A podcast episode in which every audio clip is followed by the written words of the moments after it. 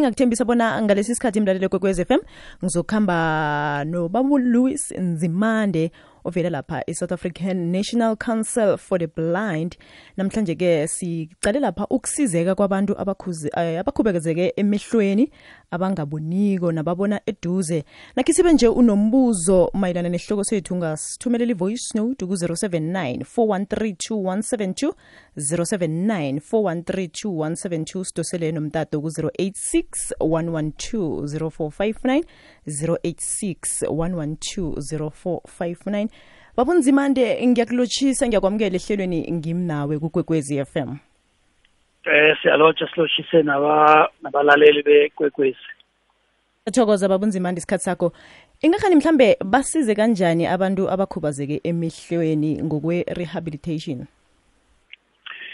Uh i-national council for the blind eh si si sinceda abantu aba abangaboni emehlweni nababona duze eh ngezindlela eziningi. Kuhlanganisa ukuthi si sibe nalabantu abathi okuthiwa ama eh, mobility and orient eh, and orientation practitioners.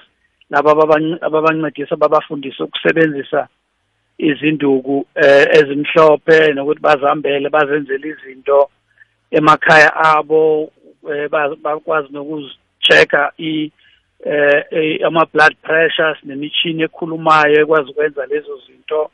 And then uh, sizokulonyaka sizobe sekhona ne nosonhlala kahle la e-National Council for the Blind abangakwazi ukufona bafonele kwi kwi desk yethu yohelebha e, okuno Chris Budeli kuyo.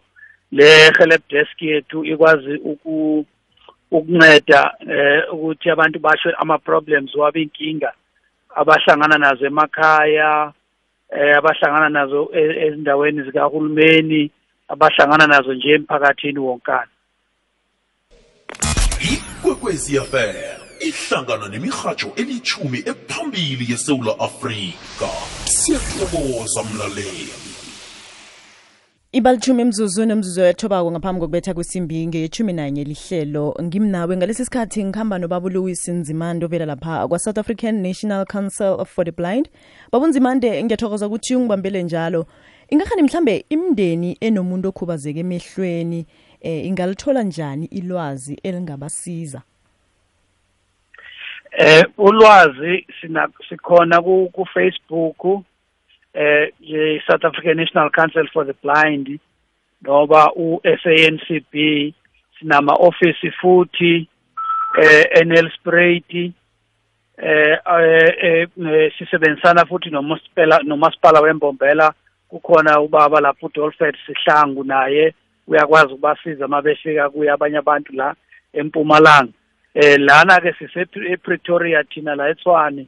eBrooklyn kukhona nesikhungo sethu eh sokutraina ekuthiwa iOptima la sithatha khona abantu abatsha sibafundise eh, ama-computer sibafundise nokufunda ibraille sibafundise nokuthi bakwazi ukuphuma bayozimela kuma-call center bathole ukuthola ukusebenza kuma-call center eh i-office lethu ke lino-Chris Budeli osebenza kakhulu ke ukuthi abantu abafonayo athathe ke imininingwane yabo eh nolwazi ngabo labo bantu abese ke e, ethumela kulabo bantu okufanele ba baxazulule le problem yalo yalo yalomuntu ongaboni okhona kuleyo mndeni.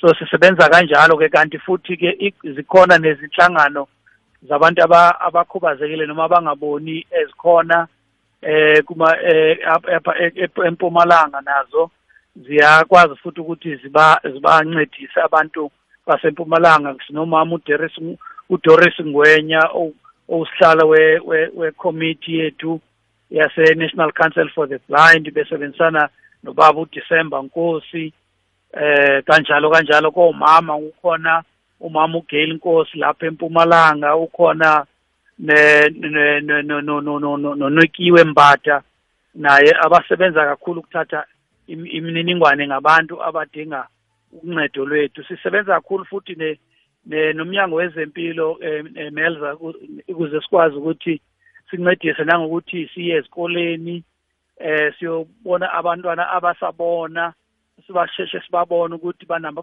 baney'nkinga zamehlo sibanikeze izibuko. Sibaskrine sibabone ukuthi baney'nkinga zamehlo.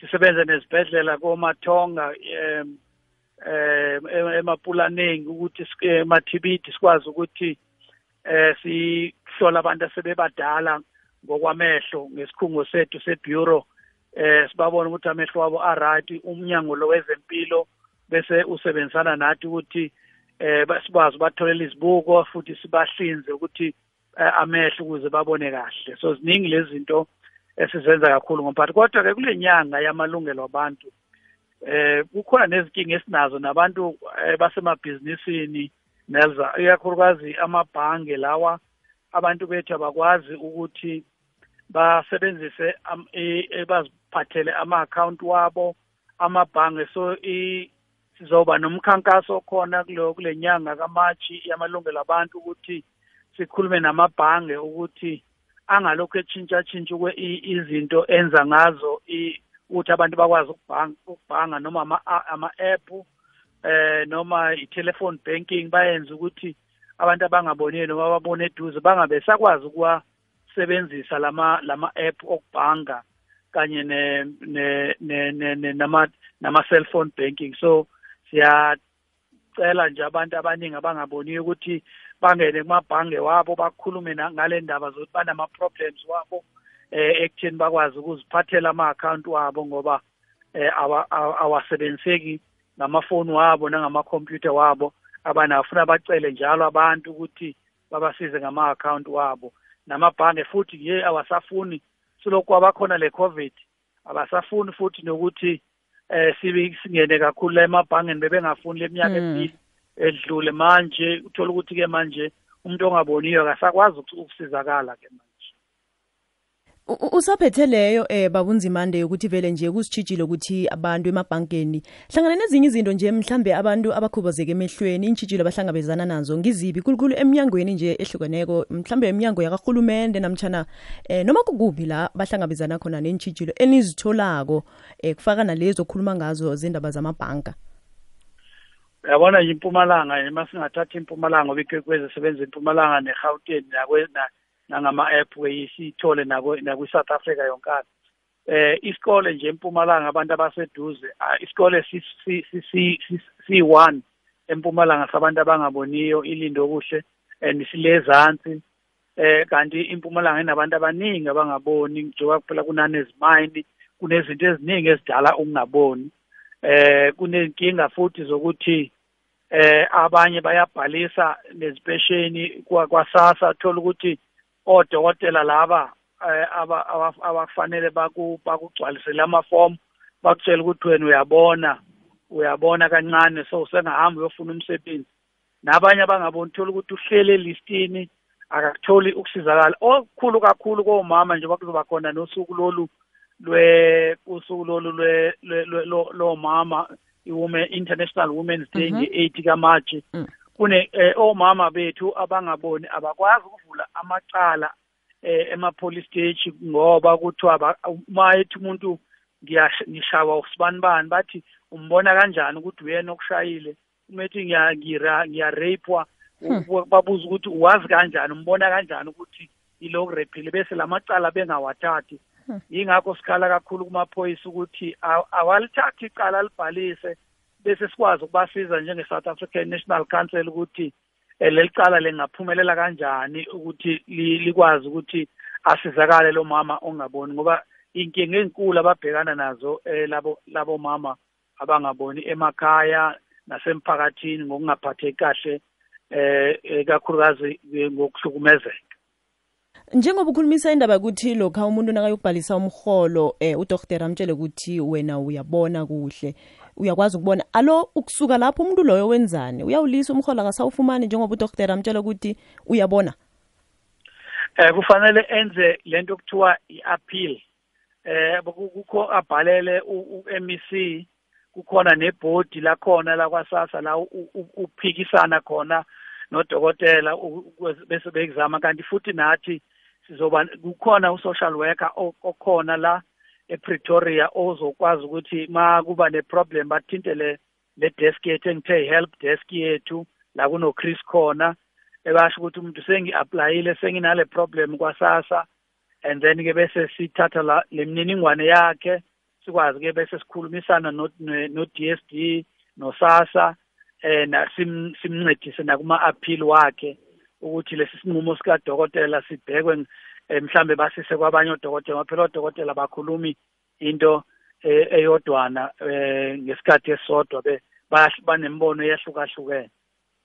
Izwakele babunzimande kunabalaleli lapha ku-whatsapp sifuna nje ukudlala ama-voice note wabo banembuzo ku-079 413 2172 079 413 2172 lotsha nelza lotsha nelza emini. Ukhuluma nonkosinathi Pino Kanhlabathi la Belfast emakazeni extension 3 ngilotshise nobabundimande lapho. Akhe ngibuze lana bonyana ngoba mina njengami nje ukhona efamilini okhubazeke ngomehlo. Manje ngisaba ukubuza ukuthi bona-ke i-department ibabekaphi njengalaba bathi abakhubekizileko nalaba abangana nabazali ini bathola ama-social grant into ezifana nalezo. Laba bamehlo bona babekwaphi nabo ngabe banelungelo lokuthi bayithole leyo sabelo seyimali of kanjani akhe kayihlalise kuhle khe ngifune usizo khe ngilithole. Ngithokoze ebelfast emakhazeni. Amehlo ami la sesineleza kunjani nesithekeli sakho lapho? Kumakade uderankuwa sesineleza ngicela ukubuza kubaba loyo. Ngenza i-operation yehloko chiari so after that ngina ngenze 2018 after that amehlo ami la electricseni avuka anenrongo. Angazi ukuthi ngwangibuzele ukuthi kunenkinga na or angazi angazi. Right trixeni avuka anenrongo eza abambene abambekile. Ngiyathokoza. Ubulwelwe be-tb buyalapheka sela imichoga njengokulayelwa kwakho. Usigcine isithembiso sakho sokubona udorhotera ibabunane imzuzu ngaphambi kokubetha kwesimbi ngiyethumi nanye lihlelo ngimnawe. Umhatsho f m kukhanya ba ngalesi sikhathi ngikhambisana nobaba uLouis Nzimande ovela lapha e-south African National Council for the Blind. Babunzimande siyathokoza ukuthi usibambele njalo. Ingakhani mhlambe imibuzo yabalalelini nizwile eh eh eh lo baba wasemakhazeni kufanele aye kwa kwa kwa DSD kwasasa abhalise abese if abamthathanga ebese ke uzoyishiya inamba la izofonela khona afuna uChris nami angangifuna nami ngiba khona eh kule namba yona le ngizoyishiya and then eh kuba kuba kuhle uma ene ene sleep sakwasasa kwenzela nathi sikwazi ukumane sibafonela siba sibalandelela nathi sibancedise. Kodwa nabo bayasizakala eh abantu abangaboni ngaphansi kwezibonelelo zikahulumeni.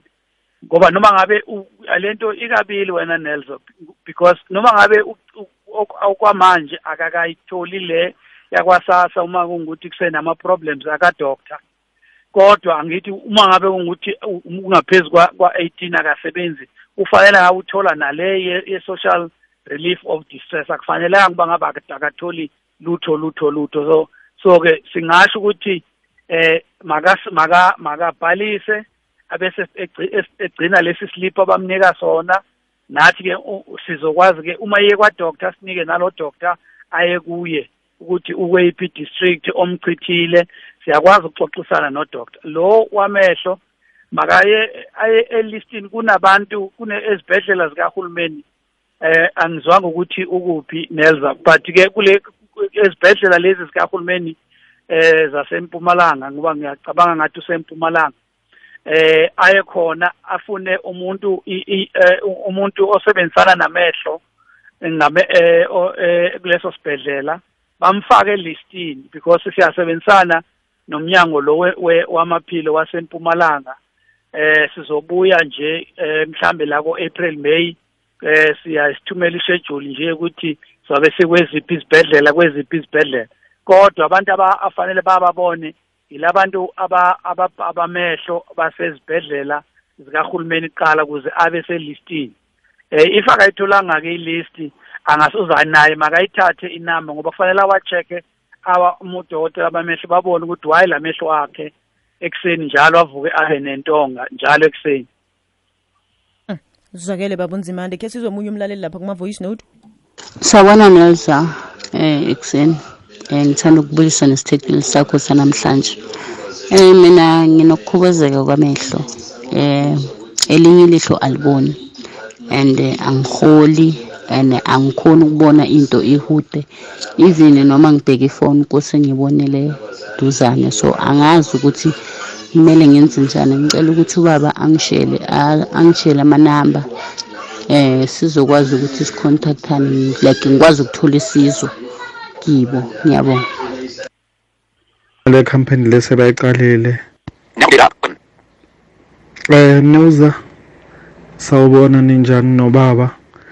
Le topic eniyiphethe ngempela nje ngiyabasupporta njengoba ngingaboni kanje mina ngiyabasupporta ngale company lese bayiqalile ya ngomunye nami okuthi angiboni. Akujabulisa ukuzwa lezi zinto lezi amaphoyisa azenzayo ukuthi bangazivulela amaqala masiyobika singafaki abantu wesimame kuphela nathi nesifake sonke. Hhayi ukuthi yenzeka kubomama kuphela nathi laba abantu besilisa masiyobika amakhesi kuyayifanela nje. Ngibongile andile lo.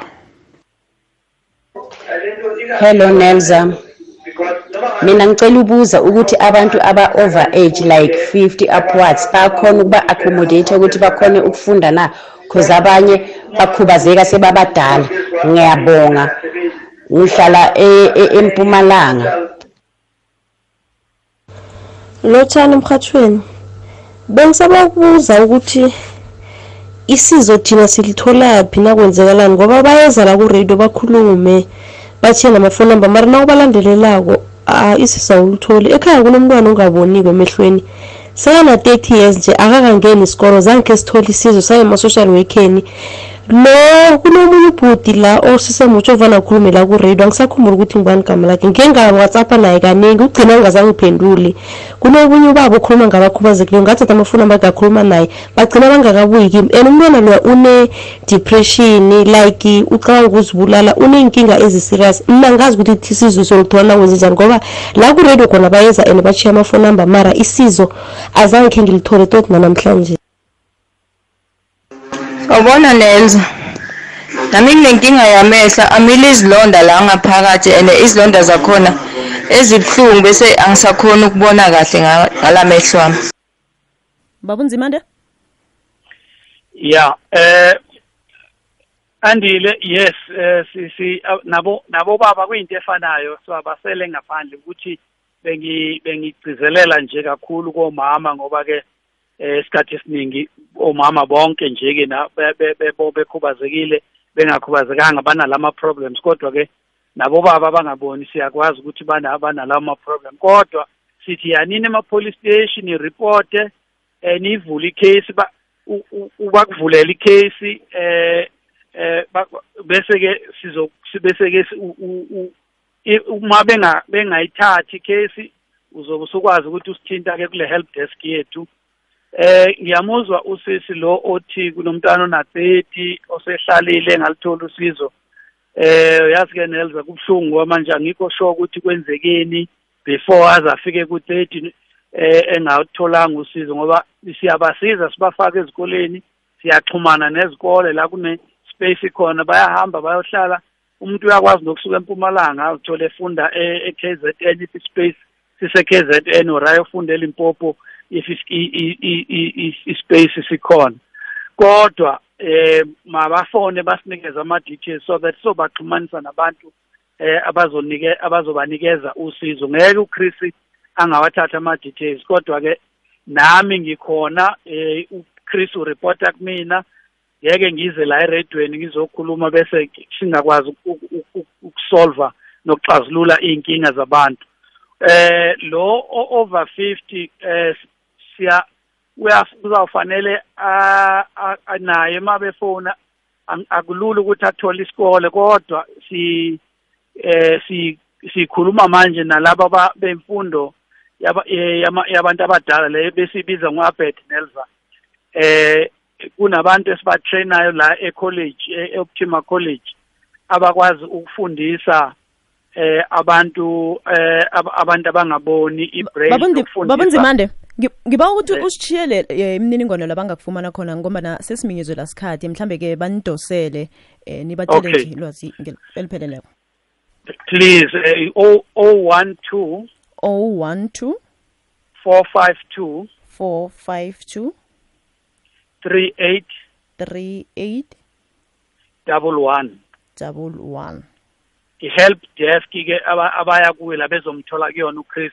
If kuphendula la e- e- efonini bafune i-help desk bazathola uChris uChris kuwuthatha wonke imininingwane bese eyisa la kufanele i- isolviwe khona ixazululwe khona i-problem.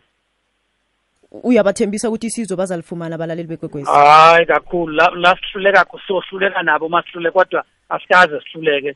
Eh uhulumeni siyalwa naye abasomabhizinisi ama ama politicians amasoma councillor eh aw- aw- i- i- iminyango ama MEC so a- akukho kuyiproblem esingakwazi uku- ukuthi sikuthinte sikuxazulule. Babunzimande ngithokoze khulu isikhathi sakho ukukhulumisana nawe ehlelweni ngimnawe kukwekwezi FM sibonge kakhulu kwiKwekwezi FM ne-SABC nakuwe Nelson. Siyathokoza ngubaba ulouis nzimande ovela e-south african national council for the blind. Inomboro godu 012 452 3811 rawubona kumnyama khulu kuzokuvela umkhanyo. Ikwekwezi.